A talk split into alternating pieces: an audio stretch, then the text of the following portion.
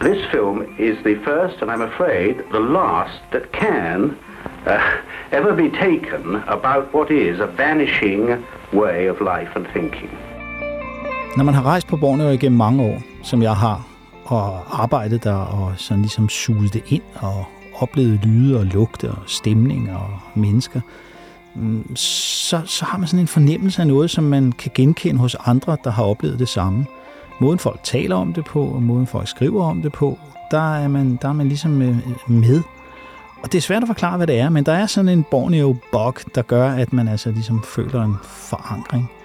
Og når jeg læser øh, Tom Harrisons ting, så havner vi i det samme punkt.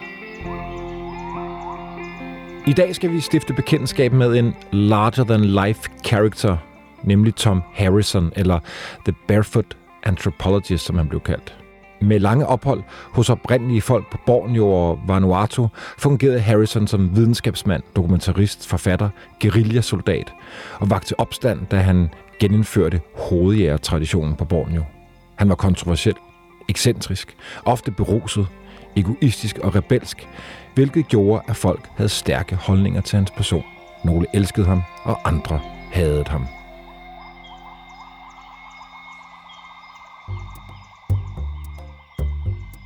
Du lytter til den yderste grænse. Jeg hedder Bjørn Harvi, og denne sæson dykker vi ned i historien om de eventyr, hvis ekspeditioner og rejser til tider gik grueligt galt.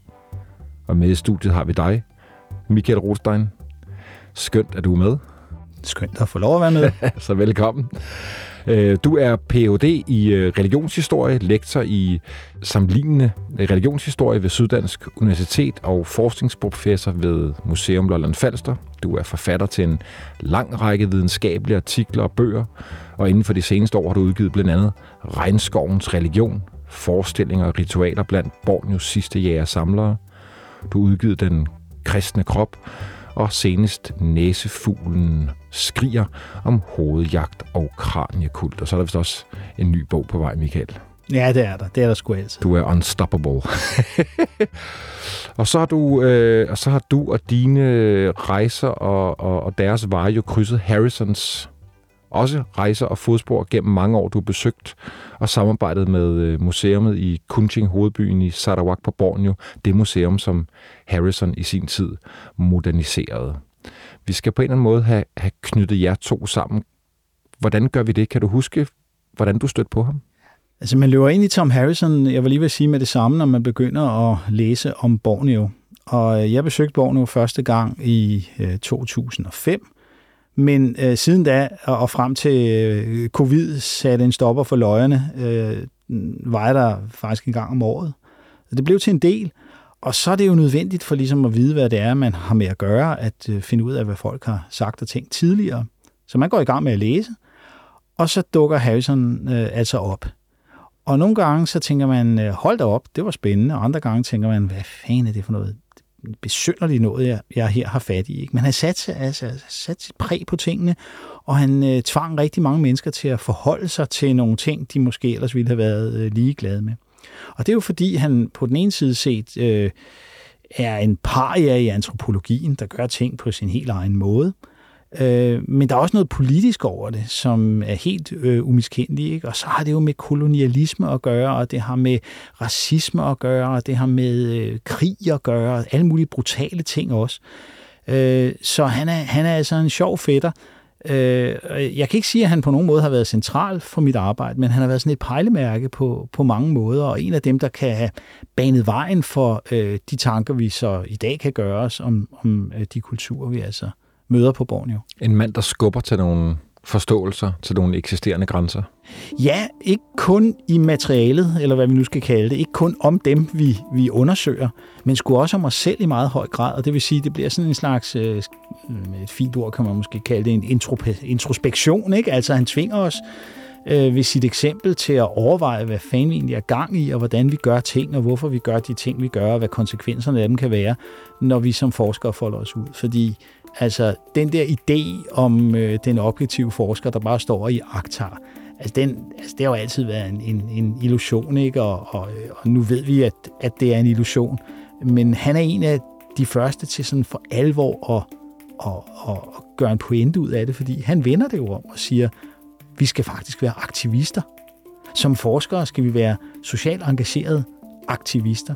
Og det åbner jo helt nye perspektiver. Og vi snakker om det senere, Michael, 100%, men han, han sætter jo sinden i kog, da han begynder at vende det blik mod os selv og studere englænderne med det her mass observation, han jo går i gang med senere. Ja, for pokker. Altså, det, der gør, at vi for alvor øh, ser de her ting, hvis vi snakker Harrison, det er, at han vender blikket mod, mod os selv. Ikke? Øh, og, og derfor kan man sige, at en væsentlig del af hans fortjeneste, når det handler om studiet af de indfødte folk på Borneo, faktisk etableres i hans pointe med vores forpligtelse til at studere os selv. Skal vi have placeret ham i, i Borneo sådan forsknings- og kolonihistorie? Hvordan gør vi det?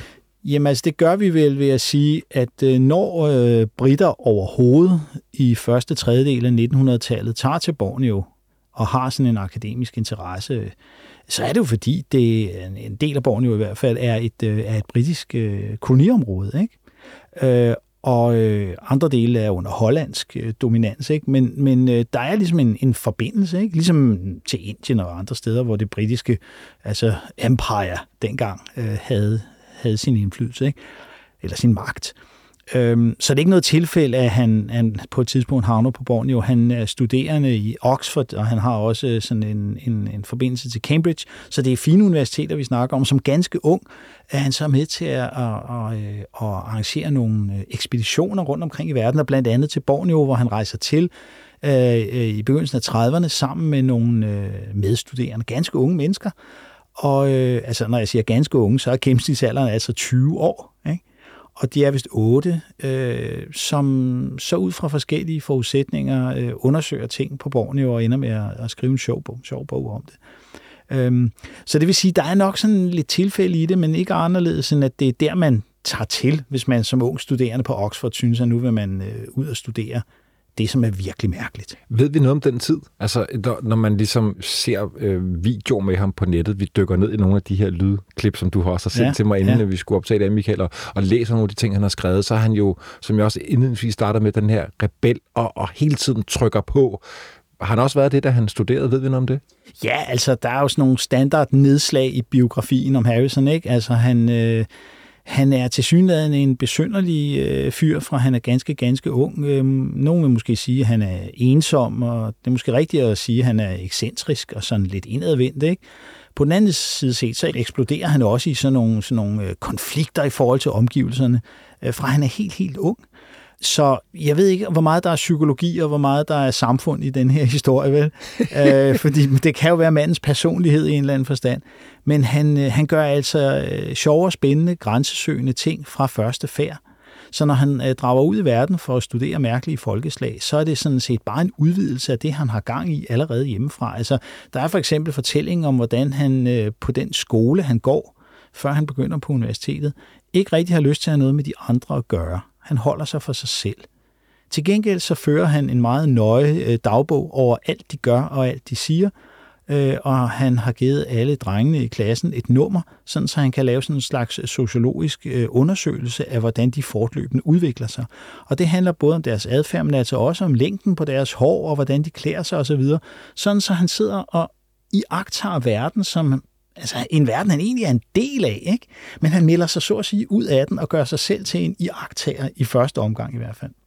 Og det er måske også det, han, han ender med at, at modarbejde selv, når han sidenhen i sit liv siger, jeg kan sgu ikke nøjes med at iagtage, jeg må engagere mig og være en del af det for at forstå det.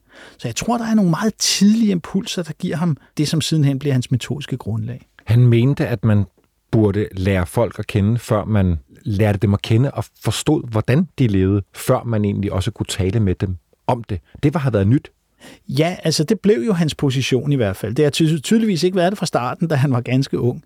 Øhm, der var han en, der, der observerede. Han var, han var ornitolog. Altså han, han skrev en lille bog, der handlede om fuglene omkring den skole, hvor han gik.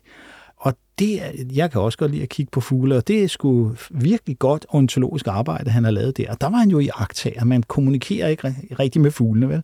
Men i det øjeblik, han har været på Vanuatu, hvor han øh, deltager i netop sådan en, en ekspedition som yngste mand, og som øh, sådan ligesom ham, der skulle bære taskerne.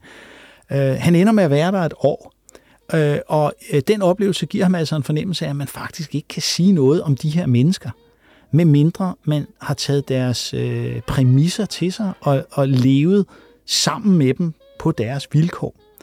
Øh, det får store konsekvenser for den måde, han i det hele taget agerer på sidenhen i sit, i sit virke. Ikke?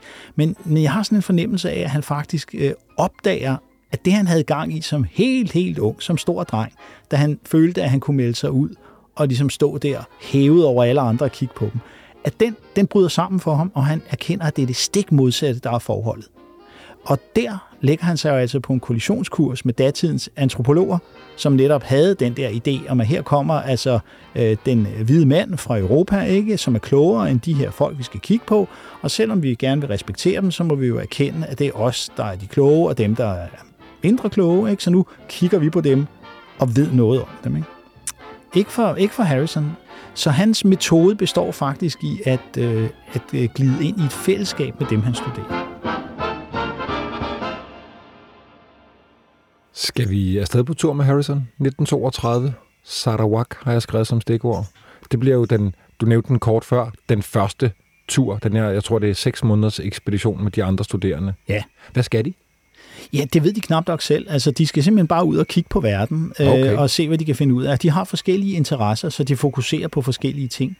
Og der er godt nok nogle seniorer, der sådan skal vejlede dem og hjælpe dem, men det kommer ikke til at spille den store rolle. Og den bog, de øh, ender med at skrive, øh, den hedder Borneo Jungle. Den ligger her på bordet. Og den har jeg taget ja. med her. Ikke? Øh, der har Harrison øh, skrevet et, forord, som altså er, øh, er fantastisk. Altså, øh, det, fordi han der ligesom... Øh, populært sagt skider på hele det establishment, som han ellers øh, burde fedte for. Altså det her med et ungt menneske, der ikke rigtig gør det, man skal, det har, jeg, jeg har virkelig stor sympati for det selv. Ikke? Og jeg, jeg har også taget nogle slag selv, kan jeg sige, øh, i min tid på den konto, ved ikke at gøre, som man bør. Det er nemmere ikke at gøre, som man bør, når man bliver ældre. Det, det er sådan set nemt nok, ikke? Men, men når man er ganske ung og godt ved ind i varmen, så er det altså modigt, og jeg tager hatten af for ham. Ikke, ikke fordi jeg altid er enig med ham, jeg synes, der ligger noget over det. Ikke? Og en af de ting, han gør, det er, at han er ærlig. Han siger sgu sin mening, og han fortæller blandt andet om, hvor hæsligt det er at være på ekspedition. Hvis du har nogle citater, må du gerne Jo, læse jeg har en lille smule her. Altså, han, på den ene side set elsker han at være i felten, men han kan ikke holde sine kolleger ud, og det lægger han ikke skjult på. Og han siger, at det er en fej forsker, der ikke indrømmer, at det er at bo i det samme telt i månedsvis, ikke? Øh, slider på en. Ikke? Og han har sådan nogle sjove ting. Altså først, øh, så, så, så siger han sådan noget med, at øh, hvis, hvis, en, hvis en fyr, han, øh, han øh, stanger tænder, ikke? Øh, eller gnider sig i øret, eller, øh, eller bare gør et eller andet, som at, som at, som at give dig en, øh, række dig en bog, eller sådan noget lignende, så vil man i Europa sige, hvad, hvad så? Det er jo bare noget, man gør. Men når man har været så tæt på hinanden, så længe, og holdt hinanden ud så meget, i det fremmede miljø, så bliver det provokerende, irriterende og ikke til at holde ud.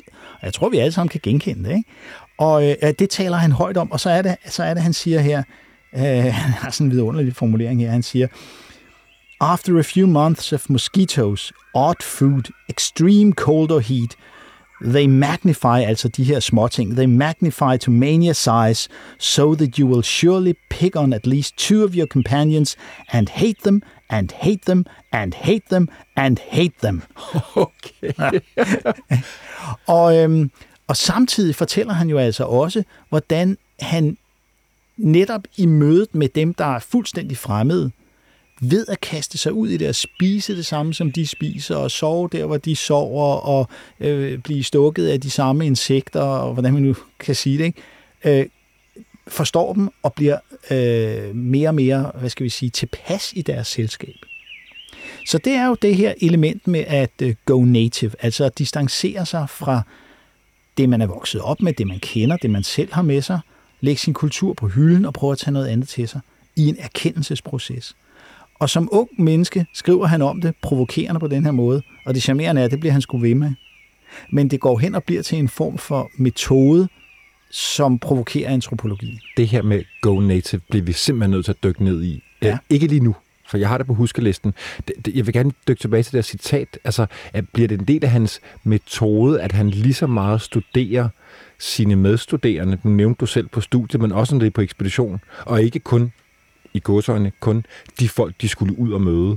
Ja. Han, må være en jeg tænker også måske lidt en pestilens for de andre, hvis de føler, at de hele tiden bliver jagtaget, eller hele tiden bliver ja, målt og varet. det er der overhovedet ingen tvivl om. Altså, når man, når man læser, øh, hvad folk har sagt om Harrison, og der er skrevet en hel biografi om ham, folk reagerer på ham på samme måde, som han reagerer på verden. Der er ikke rigtig nogen, nogen blød mellemvare. Der er ikke rigtig sådan øh, den, den, den lunkne variant. Enten elskede han folk, eller også havde han dem. Øh, enten elskede han ting, eller også havde han dem. Enten var han voldsomt optaget af noget, eller også var han bimlende ligeglad. Og det er som om folk har det på samme måde med ham. Enten beundrede de ham, eller afskyede ham. Enten var, var de sådan helt på røven over, hvad han havde præsteret, eller også betragtede de det som det rene gas. Så han er sådan en enten-eller-figur. Ikke? Og som du siger, ja, altså han ender jo med, og det kan vi vende tilbage til, han ender med at tage til England og sige, nu gør jeg sgu det samme med englænderne, som jeg har gjort med folkene på Vanuatu. Ikke? øh, og, øh, og det skaber sig i sig selv lidt ballade. Ikke? Michael Bornjo, 32.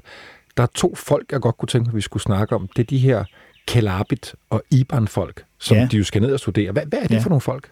Altså Harrison møder hovedsageligt Kelabiter, og der er vi i det centrale Borneos højland. Og det er risbønder.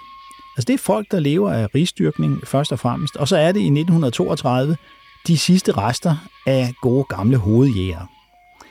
Og øhm, nu var du så venlig at nævne min bog, Næsehornsfuglen skriger. Den har jo undertitlen Hovedjagt og Kraniekult. Og jeg har prøvet at samle, hvad vi ved om, om det emne. Og det er jo noget af det, som man ofte associerer med Borneo, ikke? altså hovedjagt. Og Harrison lever altså øh, med de her folk. Og Michael, hvorfor har de jagtet hoveder? Jamen, det er jo præcis det. Altså, jeg ved det knap nok, og jeg har skrevet en hel bog om det. Ikke? Altså, det, det, det er svært, ikke? Harrison kommer ind på det her og der, men han knækker aldrig nøden. Han forstår det ikke. Og jeg mener, at jeg har forstået det bedre end han, end han har. Men altså, øh, der er ikke noget simpelt svar på det. Hvis vi lige kan lade det ligge et øjeblik. Ikke? Det, det, som er det, det fascinerende ved Harrison, det er, at han tænker, nå, de jager hoveder, fint nok, ikke? Så, så bor jeg nu sammen med folk, der er hovedjæger, og, og, og de dyrker kranier, de hænger op under hanebjælken i langhusene der. Nå ja, fint nok, ikke? Hvor alle andre kigger på det og siger, hovedjæger, ikke? Altså koloniadministrationen vil have det forbudt, missionærerne, de er jo ved at gå helt fra koncepterne af det her. Så Harrison kigger på det og siger, jamen det er et kulturelt udtryk, der må være en grund til, at de gør det. Hvorfor hisse op over det? Det er jo bare mennesker, ikke? Og i baghovedet har han hele tiden den der øh, idé, der hedder, og hvad gør vi ikke af underlige ting selv? Come on, vi kan bare ikke se os selv. Han får det ikke sagt på den måde til at starte med, men efterhånden så bliver det en pointe for ham. Ikke? Og det er der, jeg beundrer ham virkelig meget, fordi altså, hvis der er nogen, der har lavet ulykker i verden, så er det altså ikke hovedjægerne, hvis vi måler dem i forhold til os selv. Det er det altså ikke. Øhm, og jeg har brugt en del krudt på at studere hovedjæger og kanibaler og den slags der, og altså, det er jo helt forfærdeligt, så normalt sådan noget bliver, når man sætter sig ind i præmissen for det, den kulturelle præmis. For vi skal jo huske, altså hvis du kapper hovedet af mig, så er det øh, et brud med vores kulturelle norm. Så, så, så er det kriminalitet, og det går slet ikke, og moralen er sejlet, ikke, og det går slet ikke. Men da det skete på Borneo, så var der en kulturel norm, og det skete under særlige vilkår, og det skete af særlige grunde, og der var en kulturel eller social overenskomst omkring det. Jeg siger ikke, at folk nødvendigvis kunne lide det, men de har tænkt og følt anderledes om det, end vi vil gøre. Ikke? Det er det, øh, Harrison han har sans for. Og det har han, hvad angår hvad som helst. Altså om det er, uh, hvad de spiser, eller hvordan uh, de knaller, eller om uh, hvordan de har det med liv og død, eller hvad det nu måtte være. Så kigger han på det og siger, nej, sådan gør de. Jeg er med. I'm in. Det er jo en kæmpe gave for en antropolog at være så fordomsfri. Ja, altså der er jo sket det øh, øh, med antropologien, og nu er jeg ikke antropolog, så jeg skulle måske lade antropologen tale for sig selv, men altså ikke desto mindre, øh, der, og det gælder vel kulturforskning i det hele taget, der er jo sket det, at man har indset, at hvis ikke man får præmissen med hos de folk, man studerer, og herunder altså den politiske præmis, den, den virkelighed, man selv færdes i, i forhold til den virkelighed, de færdes i osv., jamen så kommer man skævt ind på sit emne. Så forstår man i virkeligheden ingenting. Og derfor så øh, ligger videnskaben også i sådan et forhandlingsfelt hele tiden, om hvor balancen skal være mellem de der ting. Og så kommer der noget woke ind over, så kommer der noget feminisme ind over, så kommer der noget kolonialisme-kritik ind over, så kommer der noget øko, øh, klimahalløj ind over osv. Det vil sige, at der er hele tiden interesser på spil, som vi, vi må tage bestik af, fordi verden ændrer sig, ikke? Altså, og, og præmissen for videnskab ændrer sig derfor også. Tom Harrison, han, han går ligesom til makronerne øh, fra en, en, en position, hvor der ikke rigtig er sket noget endnu, og handler altså ud fra sin egen subjektiv oplevelse af tingene, med sit eget besynderligt sammensatte sind, ikke? Øh, hvor han altså har den der evne til at sige, okay, lad os se, hvad fanden de er gang i. Måske skulle der en Harrison netop til at se det på en anden måde, ikke? Altså måske skulle man være så speciel, som han var. Måske, måske skulle man. Altså i hvert fald så har han den der evne til på den ene side at være grænseløst selvoptaget, og samtidig tilsvarende øh, i stand til at opløse sig selv. Altså, det er sgu besynderligt at, at rumme begge dele, ikke? Altså. Hvad, hvad tror han, når han sidder der i langhusene? Det var så fint malerisk beskrevet. Jeg kan næsten se det for mig. Michael, jeg vil gerne være med derude. Ja. De der hoveder, der hænger ja, ja. op under tagbjælkerne. Hvad tror han der, det handler om? Altså som helt ung, øh, der tror jeg bare, han suger til sig og synes, det er spændende. Ikke? Efterhånden, øh, da han vender tilbage og er moden og har noget erfaring osv., så, videre, så er der ingen som helst tvivl om, at han ser, at det her det er øh, udtryk for nogle sociale mekanismer, der får samfundet til at hænge sammen. Og deri havde han fuldstændig ret. Spørgsmålet er, på hvilken måde får det samfundet til at hænge sammen. Altså mere specifikt, hvad er det udtryk for? Og det er det samme, jeg har arbejdet med selv i, i den bog, jeg har skrevet om det. Det er også, øh, i, i, altså jeg har skrevet jo, som du nævnte, også en anden bog om, om de her jæger-samlere på Borneo, dem der hedder Penan. Øh, og så sidder man der og bilder sig ind, at man efter mange års studier og en bog på over 500 sider ved alt om dem. Og der er stadigvæk sådan, jeg vil lige vil sige, dagligt spørgsmål, der melder sig, hvor jeg tænker, jamen, hvorfor fanden gør de nu det, og hvad betyder det, og hvorfor sagde han sådan, og så videre. Ikke? Så man kommer aldrig til bunds i det. Aldrig. Men man kan tage en pejling af det, og man kan have en retning. Og Harrisons øh, retning, den er, der er tale om magtstrukturer i samfundet. Der er tale om forhandlinger her, hvor man gennem de her objekter positionerer sig på forskellige måder i forhold til hinanden øh, Øh, om hvordan det ene samfund sådan står i forhold til det andet, men også hvordan individer står i forhold til hinanden. Og jeg tror, at hans personlige interesse gør, at han ender med at hænge sin hat på et bestemt tema. Altså det, han tydeligst ser, det er, hvordan øh, et afhugget, præpareret hoved, som altså bliver til sådan et, et, et, et nypusset kranje, som hænger i sådan en særlig bastkurv nærmest, ikke? Øh, er en forudsætning for, at en ung mand kan fri, øh, og øh, dermed øh, etablere et parforhold til sin, sin udkårende, og, og have adkomst til, til sex og den slags der. Det har han virkelig sans for. Han siger, det er der pointen er. Så er det som mandedræberpatruljerne på Papua Ny Guinea, at du skal slå et andet menneske ihjel, før du kan kalde dig selv en mand og fri? Der er faktisk en, en fuldstændig parallel der, ja. Det har været en, en forudsætning, i hvert fald tidligere. Jeg er ikke helt sikker på, at det har været sådan stadigvæk. I 30'erne, der var koloniadministrationen, havde haft omkring, hvad ved jeg, 70-80 år til at prøve at bekæmpe det, ikke? Jamen ikke desto mindre, der er stadigvæk noget om snakken. Jeg er helt enig med ham, det er et element i det, men der er alle mulige andre ting, jeg tror er vigtigere. Så det har også noget at gøre med, hvad man lige er optaget af, og hvad man lige synes er sjovt, og hvad man selv står og tænker på, eller mangler, eller hvad det nu måtte være. Ikke? Øh, videnskab er ikke en objektiv ting. Den er båret af de øh, individer, der som levende væsener i den situation får en tanke. Øh, Michael, 1934 var nu Arto. Ja. Han, øh, han kommer hjem til England efter Borneo, og så tager han afsted i 34. Ja. Med hvem og hvorfor, og hvad skal han der? Ja, altså der er endnu sådan en ekspedition. Altså dengang var der, der pengene sad lidt løsere, har man indtryk af. Ikke? Man ville gerne opleve noget, noget spændende, og så, og så tog man ud. Og det, øh, han er så med i sådan en ekspedition til Vanuatu, der skal finde ud af, hvad er de nu for nogle, øh, ja, jeg var lige ved at sige halenære, nu sagde jeg det ikke, fordi det var sådan, man tænkte dengang. Ikke? Altså, øh, i dag må man jo ikke engang sige det for sjov, men dengang måtte man altså gerne sige, hold kæft, hvor er de mærkelige. Hvor er de dog anderledes? Hvor er verden dog besønderlig? Nu vil jeg undersøge, hvad de er for nogle starutter. Og jeg mener, at øh, kulturforskningen har jo skudt sig selv i foden ved ligesom ikke at tillade os fascinationen over det anderledes. Øh, altså den der idé om, at vi skal ligesom respektere alt og så videre, den er jo god nok. Selvfølgelig skal vi det. Men, men vi kommer til at smide barnet ud med badevandet, fordi vi glemmer, hvor helt bizart mærkelige andre mennesker er. Ikke? Og, og dermed, hvor bizart mærkelige vi selv er i forhold til andre mennesker. Vi glemmer at se os selv, hvis vi forbyder os selv Øh, den dybe fascination over de andres anderledeshed. Sådan var det ikke dengang. Og Harrison, han er vildt betaget, og når man læser, hvad han skriver, han er simpelthen vildt betaget af de her folk, som er kannibaler. Ikke? Han, det sjove er, at vi får aldrig nogen detaljeret eller grundig redegørelse for den idé med kannibalisme, som de har. Men det er helt tydeligt, at de altså har sådan nogle øh, sociale strukturer, hvor man, øh, hvor, hvor man gennem kannibalismen som jo altså typisk enten vedrører de andre eller ens egne. Spiser man bedstefar, når han er død, eller er det en nedlagt fjende, man spiser osv., ikke? der er det udtryk for en særlig samfundsdynamik og nogle særlige normer og en, en, en særlig idé om, om verden. Og så. Jeg kan ikke redegøre for de her folk på Vanuatu, men andre steder i verden, hvor jeg har studeret fænomenet, så tænker man, jamen, de har jo en god grund til at gøre det.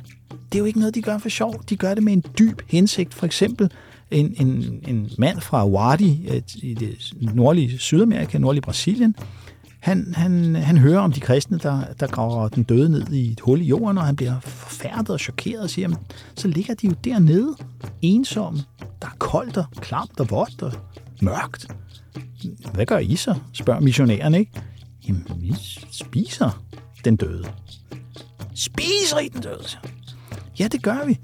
Fordi så bor min far i min krop, og hans far boede i hans krop. Så jeg har også min bedste far i mig, og hans far og hans far. Jeg har hele slægten i mig. På den måde lever de døde i samfundet sammen med os. De forsvinder ikke. De skifter bare krop. De låner min krop, som jeg har en dag skal låne mine børns krop, og så videre. Så videre. Sådan en poetisk idé om, hvordan øh, øh, det nu er. Ikke? Og der kan man jo ikke komme og sige, det giver ingen mening. Og Harrison, han har han har, en, han har sans for det der. Ikke? Og han siger, sådan gør de. Og de gør også sådan. Og de må godt have tre koner, eller øh, de øh, forhandler på den måde, eller de bliver vrede over de ting, og de er ligeglade med de ting. Og det er komplet anderledes, end hvad jeg kender derhjemme. Men jeg er med. Jeg kaster mig ud i det.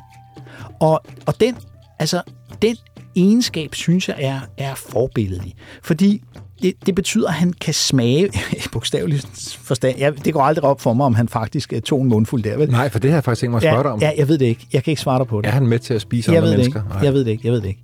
Øh, det skulle ikke undre mig, men jeg ved det ikke. Hvis han var blevet tilbudt, havde han nok ikke sagt nej. Nej, fordi hans præmis har jo været, hvis jeg ikke gør det, så er jeg her ikke. Altså, det er sådan, det skal forstås. Hvis jeg ikke gør det, er jeg her ikke. Men har de hørt det hjemme i England? At han måske gjorde det? Ja, det kan man selvfølgelig sige, men derhjemme i England, der bruger de altså øh, øh hver søndag formiddag i deres kirker på at gennemføre et ritual, hvor de forvandler brød og vin til krop og blod, og så drikker og spiser de det. Og hvis vi skal tage ritualet alvorligt, og det skal vi, ellers forstår vi ikke ritualer, så er det de kristne, der er virkelighedens kannibaler et meget langt stykke hen ad vejen, fordi de altså, medmindre de er meget moderne protestanter, forstår deres ritual på den måde, at de faktisk spiser deres døde Gud, for selv at få andel i hans sejr over døden. Og det vil sige, at de har en god rituel, religiøs, mytologisk grund til at gøre det. Øh, og vi må forstå det. Vi, der ikke øh, er kristne. Ikke? Wow, Michael. Vi kan jo sammenligne det med, øh, hvad skal vi sige, tupinambærerne i Brasilien, som i 1500-tallet blev opdaget af europæerne. Ikke? De vidste godt selv, de var der, men europæerne opdagede dem. Ikke? Og der er så en beskrivelse af en fyr, der hedder Hans Staden fra 1500-tallet. Han var taget til fange af nogle tupinambærer. De var kanibaler, de spiste deres fjender. Og så sidder der en mand og gnasker på et lårben der, ikke, af en, øh, en, øh, nyristet øh, fjende. Og så siger han til, til europæeren der, som godt nok er deres fange, men også deres gæst, sådan var det nemlig der, siger, her skal der ikke have noget at spise. Og så siger europæeren, den kristne mand, han siger, aldrig i livet. Altså aldrig i livet, når ikke engang to rovdyr spiser af hinanden, hvordan skulle jeg så kunne spise øh, øh, et andet menneske? Hvor til indianeren svarer, hvad mener du? Menneske? Jeg er en jaguar. Og pointen er, at før tubinambærerne kunne spise menneskekød, så forvandlede de sig til jaguarer, fordi mennesker ikke spiser mennesker. Men hjemme hos den kristne mand, der vil man gerne spise et dødt menneske. Man har det bare ikke lige hos sig. Så man forvandler brød og vin. Så man kan sige til sig selv, her er han ikke desto mindre. Og så vender Polen lige pludselig, ikke? og så er det de andre, der ikke er kanibaler, og, og europæerne, der, de kristne, der er kanibaler. Ikke? Og sådan har vi jo masser af eksempler på det, og det er det, som øh, Tom Harrison, han, jeg ved ikke, om han intellektuelt gennemtænker det på det tidspunkt, men han kan mærke det. Og derfor så tænker han, hvis jeg vil forstå de her folk, erkende, så skal jeg ind på deres præmisser. Så skal jeg være som dem. Ikke? Og det bliver han altså derude på Vanuatu. Og så skal han være der også i lang tid. Han bor der jo et år. Ja, alene. Alene. Det er jo det, der er det sjove, så, hvor han øh, først brokker sig over øh, sine medstuderendes øh, Ja, det kan han selskab, ikke ikke? selskab, hvor han siger, de er så pisseirriterende, jeg kan ikke holde ud at høre mere på dem. Altså, det er lige meget, hvad de gør, så irriterer de mig. Ikke? Det er fra den ene ekstrem, hvor han hele tiden har nogen at relatere til fra sit eget, ikke? Til en situation, hvor han faktisk lever alene på en, en, en lille ø, langt, langt, langt væk fra alt. Ikke? Bliver han lige så irriteret på de folk der? Nej, det gør han ikke. Det gør han ikke, fordi de er på hjemmebane. Og det er jo præcis det, han siger. Derhjemme vil jeg ikke reagere på, øh, at min medstuderende han øh, klød sig i nakken eller øh, pillede næse eller et eller andet. Men når vi har været i det samme telt under de her underlige vilkår, ude i det fjerne, og har været tvunget så tæt ind på hinanden, så provokerer det mig.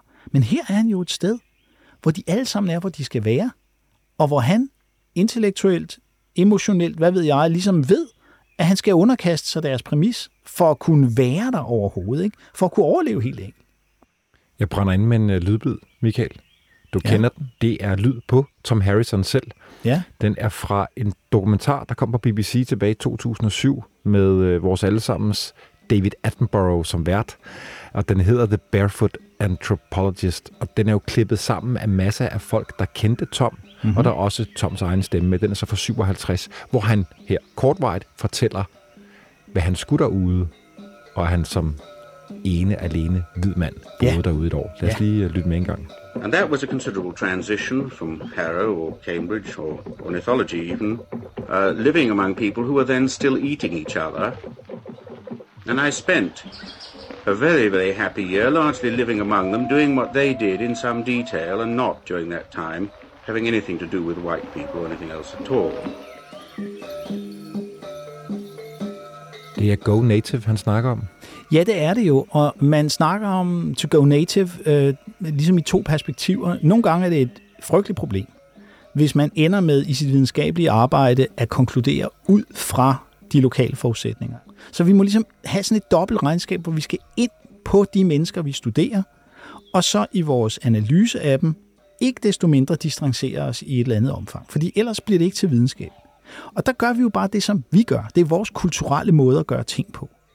Øhm, så, så det der med at go native, det plejede man at bruge som et udtryk for folk, der ikke længere kunne håndtere det akademiske niveau, men kun ligesom bevægede sig i den religiøse præmis eller den kulturelle præmis, hvad det nu måtte være. Ikke? formentlig et begreb, der, der ret ofte, sådan, som jeg forstår det, blev brugt til, når nogen ikke kunne navigere det, og det gik galt. Ja, lige præcis. He's det var, native. Det, Ja. det er gået galt for ham. Lige præcis. Det var en negativ ting, hvor han ikke kunne ligesom vende, altså vende tilbage til den akademiske præmis, efter at han havde været ude i felten eller sådan noget. Ikke? Men, men, men Harrison, han går native på en, på en anderledes måde. Det er for at indsamle data, han gør det.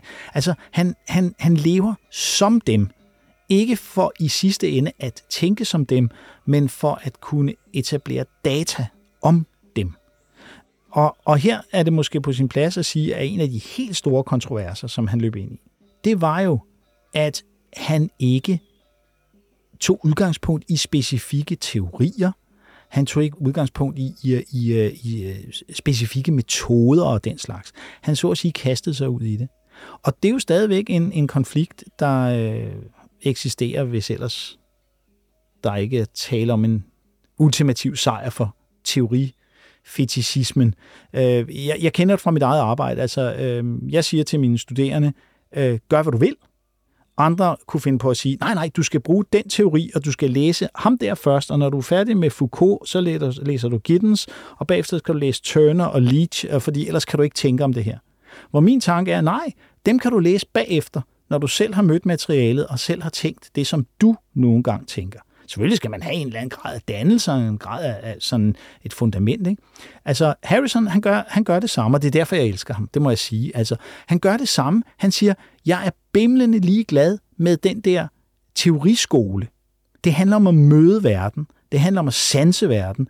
Fordi vi kan intet gøre, før vi har data. Og jeg vil ikke møde verden ud fra en, en idé om, hvad jeg bør møde, eller hvordan verden bør være, det vil sige en teori. Jeg vil møde verden, som den er. Så kan jeg tænke over den bagefter. Og Michael, en kultur, der formentlig snart forsvinder. Ja, Hvad tænkte han om det? Ja, altså det var han jo bekymret over, fordi han synes, at der var masser af værdi i de der mange kulturer, som var under pres allerede dengang. Og da jeg skrev min bog om øh, penanerne, den udkom i 2016, altså der sad jeg jo for fan med tårer i øjnene og, og hamrede i, i tangenterne, fordi jeg, jeg vidste, at jeg var den sidste, der skulle opleve det her. Og det er blevet. Altså helt, helt konkret, ikke? Øh, kristne missionærer har ødelagt forfærdeligt meget, altså koloniadministration har ødelagt meget, de nye nationalstater har ødelagt meget, tømmerdrift har ødelagt, hvad ved jeg. Det forsvinder. Og det kunne han se allerede dengang, at den slags var, var, var ved at ske. Og derfor var det så meget desto vigtigere for ham bare at notere, at registrere, og i stedet for at gøre det med pen og blæk, øh, sådan med, med, med nydelig afstand til materialet, så kastede han sig ind i det og sansede, altså med, med, med alle sanser. Og man så verden derhjemme forandrer sig for evigt, eller man ønskede at provokere. Det er det næste, jeg vil spørge dig om, fordi han kommer jo hjem til England bagefter, og inden krigen laver han det her, han kalder mass observation. Og der bliver han jo, så vidt jeg kan forstå, rigtig kontroversiel. Hvad gik det ud på?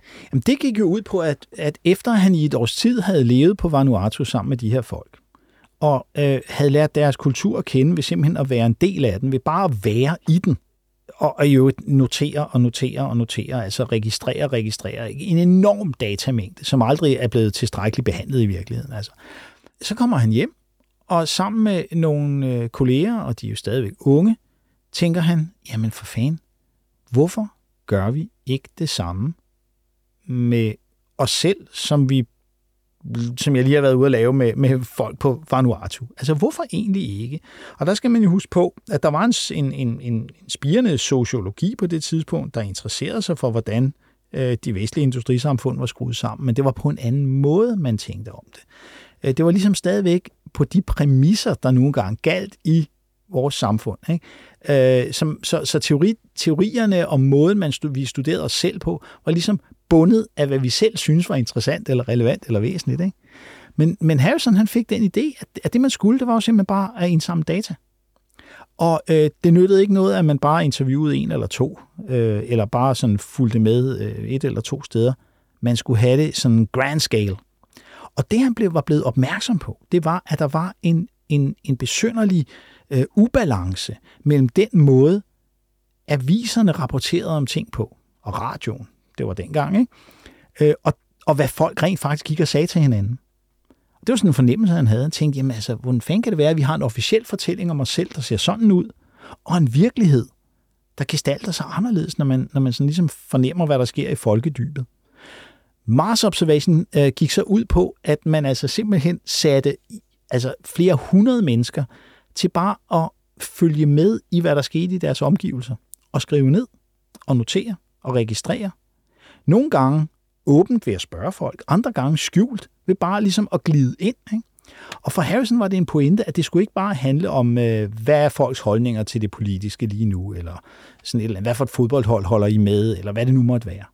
Nej, altså det var, hvor ofte klør du dig i nakken? Øh, hvilken øh, frisyr har du lige nu, og hvorfor? Ikke? Hvad for noget mad spiser du? Jeg har skrevet piberygningens ja, betydning for ja, mennesker. Ja, piberygningens betydning, hvor, hvor ofte har I sex, og hvordan? og sådan nogle ting. Ikke? Det vil sige, de samme ting, som antropologer sådan nærmest savlende interesserede sig for hos alle de der eksotiske folk. Ikke? Ude hos danseskoler, hvordan manden lagde hånden på øh, kvindens ryg ja, og sådan noget. det er en klassiker. Han, de får lavet et, et, øh, et diagram, der viser øh, otte måder at holde hånden på ryggen af kvinden, eller sådan et eller andet, ikke? som alt sammen er udtryk for, hvor god en danser du er, hvilken position du har i gruppen, hvad du kan tillade dig, øh, hvor øh, imødekommende kvinden er, hvad det, hvad det ellers må være. Alt sammen sociale signaler, der udtrykker en virkelighed, der aldrig, aldrig bliver formuleret, fordi folk ved det ikke engang selv. Lige så lidt som folkene på Vanuatu ved, hvorfor de danser rundt om den der dims, når de gør det. Det er bare sådan, vi gør. Ikke? At folk bliver vanvittigt provokeret. Det bliver de, fordi de ser sig selv gjort til genstand for en analyse, de overhovedet ikke kan forstå, fordi de pludselig bliver præsenteret for sig selv på måder, de ikke ved eller kender. Det er jo genialt. Folk bliver også vrede på ham, og myndighederne bliver vrede på ham lige frem, ikke? fordi han, han altså tillader sig, så at sige, at ophæve grænsen mellem englænderne selv og så de folk, som antropologerne ellers tager ud og fortæller om. For man skal huske på, at selvom antropologien er i udvikling, selvom der er sindssygt dygtige etnografer, som altså virkelig laver brilliant arbejde, Altså for eksempel Bronislav Malinowski. Han er en af de helt, helt store der. Ikke? Men der er mange på det tidspunkt. Uh, Evans Pritchard er der vel også, ikke? Og sådan nogle Øh, og jeg ved, jeg ved faktisk ikke, hvem han har været i kontakt med, og hvordan og, og hvorledes. Men det er ikke små ting. Der, der er tyngde i det. Men ikke desto mindre, så bliver deres arbejde jo forstået som en slags dokumentation for, at det er i Europa, især i England, måske især i London eller Oxford eller Cambridge der, at, øh, at menneskehedens intellektuelle klimaks hører hjemme. Ikke? Øh, øh, det kulturelle klimaks, det, det bliver jo ikke finere, vel? Altså, og så har vi øh, dem derude, ikke? Og øh, vi har jo fænomenet armchair anthropologists, altså de forskere, der bliver hjemme i lænestolen. Og der er en, en historie om ham, der hedder Fraser, for eksempel. James George Fraser, en af de helt, helt store.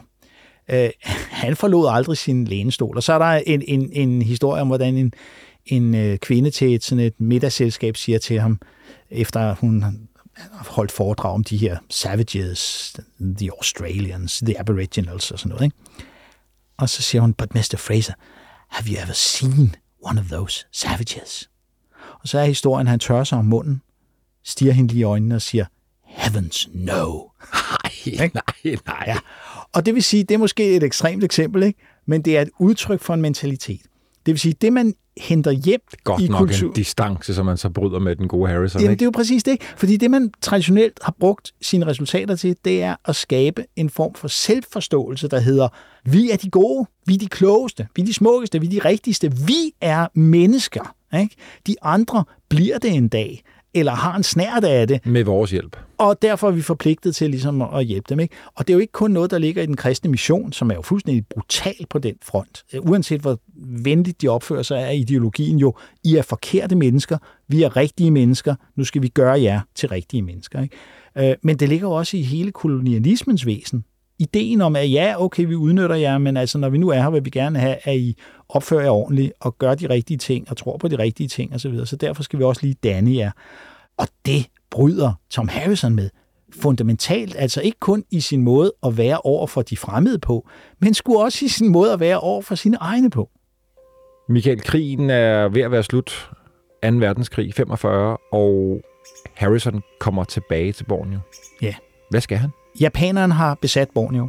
De allierede, Australien og USA hovedsageligt, vil meget gerne have dem ud. Der er strategiske grunde til det. Harrison får den idé, at hvis man allierer sig med de indfødte folk, så vil de i meget høj grad kunne hjælpe til i en slags guerillakrig mod japanerne. Øh, og han får altså overbevist folk om, at det nytter. På det tidspunkt har han været, han er soldat, ikke? og han har en, en eller anden form for ledende rolle her, ikke?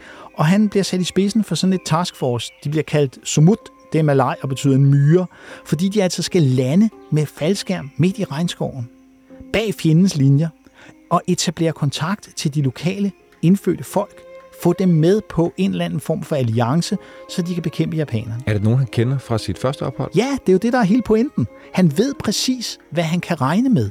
Og han stoler på, at hans kontakt til dem og hans øh, viden om, hvordan de agerer, deres mentalitet, hvad deres øh, interesser kan være, at, at de vil øh, tage imod det. Og det vil sige, at der sker det her dramatiske, at de flyver øh, ind over regnskoven ikke? og bliver droppet over et område, som hedder Barrio. Og det er simpelthen en, en lille landsby, øh, som ligger bogstaveligt talt in the middle of absolutely nowhere. Og så er der otte mand, der hopper ud der, ikke? Og den ene af dem er Harrison, der siger, goddag, goddag. Er I venner med japanerne? Nej, det er vi ikke. Er der japanere i området? Er et stykke vej herfra? Okay, vil I være med til at give dem tæsk? Ja. Jamen, hvordan får han overbevist dem, Michael? Jamen, de kan ikke lide japanerne. De kan ikke lide, at de er der. Og han har jo det her personlige forhold til dem, fordi de kender ham allerede. Det korte og lange er, at de får opbygget en guerilla, hvor de altså patruljerer de områder, som de nu engang skal sikre. Og der er måske et par tusind indfødte. Og så er der en lille bitte håndfuld, der kommer et par portioner mere på et par 30 øh, øh, allierede soldater, ikke? australier, amerikanere og englænder. Og de ender faktisk med at holde japanerne fuldstændig i skak, fordi de kan føre guerillakrig på de indfødte folks præmisser i regnskoven. Og det de gør, det er, at de fører krig på en måde, der ligner det, vi kender fra hovedjagt. Det vil sige, at de bevæger sig i skoven på samme usynlige og stille måde. I stedet for at bruge gevær og granater, så bruger de pusterør med giftpile og machetter. Og det lykkes altså. Det lykkes at holde stillingerne på en måde, der gør, at øh, da krigen den, øh, den øh, så øh, synger på sidste vers, der, øh, der har japanerne tabt. Så vidt jeg husker historien, så har, har Harrison fortalt de øh, lokale Borneo-folk her, at, at, øh, at japanerne vil komme og tage deres land. Altså, at de vil øh, dyrke ris øh, og så videre, og, og det, det er det, de skal bruge deres land til. Han får bygget den der historie om, at Ja. de er fjender for jer. Ja, Og så genindfører han den her hovedjæger-tradition. Altså, du fortæller om, at, at det er måden at jage på, men er det også rent fysisk at kappe hovedet af på de japanske soldater, hvis man får fat i dem? Ja, altså det er det jo faktisk, fordi der sker, der sker to ting. Det her med at understrege, at øh, japanerne kommer for at tage jeres øh, rismarker. Altså det er simpelthen et, et ressourcespørgsmål. Ikke? Man skal forstå, at øh, en, en af grundene til, at man tog hoveder, det var at sikre land. Øh, og at øh, øh, Iban-folk i det mindste har sådan ekspanderet øh, i meget høj grad gennem hovedjagten som en slags metode, men for at sikre land hele tiden. Fordi der var en populationsudvikling, der gjorde, at der var brug for mere mad. Så når man siger sådan til de her kalabiter og Iban-folk der, så giver det faktisk god mening at, øh, at, at, at sikre risen. Ikke? Og så var der jo ikke langt til at sige, at gøre som I plejer. Ikke? Fordi nogle af dem var stadigvæk små hovedjæger, sådan ikke? I hvert fald havde deres bedsteforældre været det med 100% sikkerhed. Så det var ikke så frygtelig langt væk. Og kulten for hovederne, som skaber lykke og glæde og frugtbarhed og smukke kvinder og smukke, endnu smukkere elskerinder og styrke og skønhed og glæde i landsbyen, at den var fortsat, selvom man var holdt op med at høste nye hoveder. Og der er masser af steder på Borneo i dag, hvor man stadigvæk har kraniekult. Ved vi, om han fik japanske hoveder i hånden? Jamen det gjorde han jo, og det er det, vi skal Hold frem til. Ikke? Altså, han, så siger han, at øhm, I får penge, hver gang vi får et hoved. Ud og fange japaner. Når I afværger, I afleverer det, så er der betaling øh, fem øh, hollandske gylden, eller hvor meget det nu var. Nej, Ikke? nej, nej. Man skal også lige klappe hesten, ikke? fordi det betyder ikke, at de høstede hoveder de- fra japanerne kom til at indgå i kraniekulten. Altså, det er stadigvæk lidt af en myte på Borneo, at de afhuggede japanske hoveder i dag kan ses i langhusene rundt omkring. Det tvivler jeg på. Jeg tror simpelthen ikke på det. Altså, man vil ikke indlemme dem i, i kraniekulten. Øh, Det er et omfattende ritual, der skal til. Og det kræver alle mulige, alle mulige fekundik og store fester osv. Jeg tror ikke på, at man ligesom har lavet en discountudgave af det. Man har høstet de der hoveder, fordi så følte man, at man ligesom var noget, og at det var ens identitet, der foldede sig ud igen, og jeg gør ligesom bedstefar og så videre. Ikke? Men jeg tror altså, de er blevet smidt i grøften, efter de har fået deres betaling. Michael, han bliver gift med en indfødt kvinde, selvom han også er gift i England. Jamen, det er helt normalt. Altså, det, det skal man ikke undre sig meget over. Det, i de gode gamle dage, der havde øh, langtidskolonifolk og antropologer og missionærer osv., altså, de havde ofte forhold til, til lokale. Øhm, og det er rigtigt nok, han havde hele to kvinder, øh, som han, øh, som han sådan ligesom formelt var sammen med, når han var derude. Ikke? Så der er efterkommere nu af ham, formentlig. Ja, det kan godt være. Altså, det, det sker jo, at øh, man på Borneo løber ind i folk, der ser lidt anderledes ud, når man er ude der i langhusene. Det altså, det er, det er helt givet. Altså, det, det er gud, det er jo bare mennesker. Han bliver der i 20 år. Er med til at modernisere det her øh, museum. Ja, og det er rigtig sjovt, fordi når man går ind i det i dag, så har man en oplevelse af at gå ind i fortiden. Ikke? Altså, der, der er ikke meget moderne over det i dag, fordi der, de har ikke lavet meget ved det siden, øh, siden han øh, moderniserede det dengang. Men det er, det er vidunderligt, fordi det altså i bedste Tom Harrison-stil altså gerne vil vise verden. Gerne simpelthen vil vise det mystiske, det eksotiske, det fantastiske. Og der er Borneo altså et formidabelt sted, og, og hans evne til at flette øh, zoologi sammen med antropologi og sammen med historie og det politiske og, og, og altså også arkeologi og alt muligt, ikke? er jo imponerende. Det vil sige, at man, man har ikke sådan et enstrenget museum, men det er sådan en slags oplevelsesmaskine, man går ind i. Vi har jo fået ham med her i denne her sæson, fordi vi snakker ekspeditioner, der går galt. Og det er jo måske der, vi skal slutte nu, fordi det går desværre galt for ham her til allersidst. Ja, Hvad er der sker? han dør jo i en trafikulykke. Han dør i en trafikulykke med sin kone. Ja, i Thailand, ja. Og i bedste Harrison-stil, ikke, så bliver han øh, begravet efter buddhistisk øh, skik der i Thailand, ikke, og kremeret og sådan. Øh, fordi det var sådan, man gjorde der, ikke? Hende, der har skrevet en biografi om ham, har, har gentagende gange sagt, han havde ikke en idé om, om øh, som på engelsk vil man sige, om man, altså mennesket. Han havde en idé om mennesker. Altså den her idé om, skal vi ikke holde en fest for, hvor forskellige vi er? Skal vi ikke nyde og glæde os over, hvor utrolig forskellige vi er, og hvor mærkelig verden er? Øhm, sådan så det fællesskab af mennesker, han godt kunne lide, tror jeg, ikke? at det, det var ligesom med fokus på, på forskellighederne. Ikke? Og derfor er det også fint, at han blev begravet efter buddhistisk tradition, selvom han aldrig havde tænkt en buddhistisk tanke, for sådan gjorde man der. Ikke? uh, og hans arkeologiske ambition om at finde en ny art, en ny menneskeart, uh, i, uh, i de store huler på Borneo der, uh, var jo også udtryk for, at han ville videre ud og uh, afsøge grænserne for det menneskelige. Ikke? At der var hele tiden noget nyt og noget andet. Han havde en tanke om, at der fandtes en, ja. en, en sådan the, the Borneo man, ikke? In Java, we have Java man, and in China, Pekin man. There must be something like Borneo man or very early prehistoric man, surely. Ja, han håbede på, at man kunne finde sådan en præ-homo sapiens øh, skikkelse der, ikke? Men så langt kommer vi ikke tilbage i tiden. Det, han finder, viser sig øh, at være omkring 35.000 år gammelt, og er altså et moderne menneske. Det er det, man kalder et anatomisk moderne menneske, sådan noget som os. Men man vidste ikke på det tidspunkt, at homo sapiens var kommet til Borneo, eller måske endda hele Sydøstasien, så tidligt på det tidspunkt. Så, så der lå også noget nyt i det. Biografien om ham hedder The Most Offending Soul Alive. Ja, det er hans selvbiografi. Og det er hans selvbiografi. Ja, ja.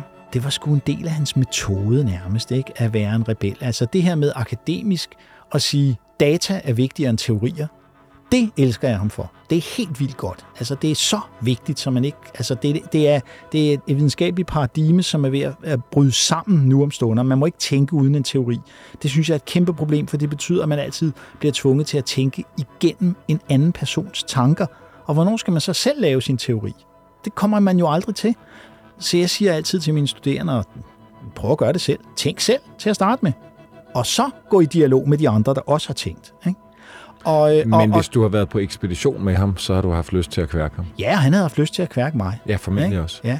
Så, så øh, jeg er glad for, at jeg er sluppet for det. Men, men, øh, men derfor kan jeg godt tage hatten af for hans grundlæggende akademiske idé. Men at han samtidig har været en bullerbase og øh, en brutal fyr og øh, selvoptaget og, og så videre. Altså det er der jo en næppe tvivl om. Så når man læser om ham, så er det det der interessante mix. Det er næsten ligesom en, en metronome, du ved, den svinger tyk, tyk, tyk, tyk fra den ene yderlighed til den anden, hvor man tænker, altiders dumme svin. Altiders dumme svin. Og det, det, det, jeg synes, det har sin charme. Ikke? Og så det her med, at han er en, en, øh, en, en britisk ekscentriker. Ikke? Og der er jo en grund til, at han blev kaldt The Barefoot Anthropologist. Og det er, altså, han, han så jo spot on, hvordan han kunne provokere det der britiske establishment. Manden, han lakerede sin tånegle, og så gik han i sandaler ned ad Regent Street. Politiet kom efter ham. Ikke? Det, det måtte man ikke. Han gjorde det. Hvorfor gjorde han det? Jeg har kun en eneste forklaring. For at provokere, for at ruske op og for at vise nogle sandheder om hans egen kultur. Og med de ord, og længe leve de der originaler, Michael. Ja, for fanden. Tusind tak for, at du var med i dag og gør os klogere på, på Tommy. Selv tak. Den yderste grænse er produceret af Bjørn Harvi og Christoffer Erbo Roland Poulsen fra 24 og Vores Tid. Redaktør er Rikke Karoline Carlsen. En særlig tak til Discovery Docs, BBC, Real Big Production og Australian and Arctic Division. Hvis du vil høre flere spændende historier om rejser, så lyt med på podcastserien Udlængsel, som laves af min gode kollega Nikolaj Sørensen. Find den og andre historiske podcasts på vores tid, eller der, hvor du normalt finder dine podcasts.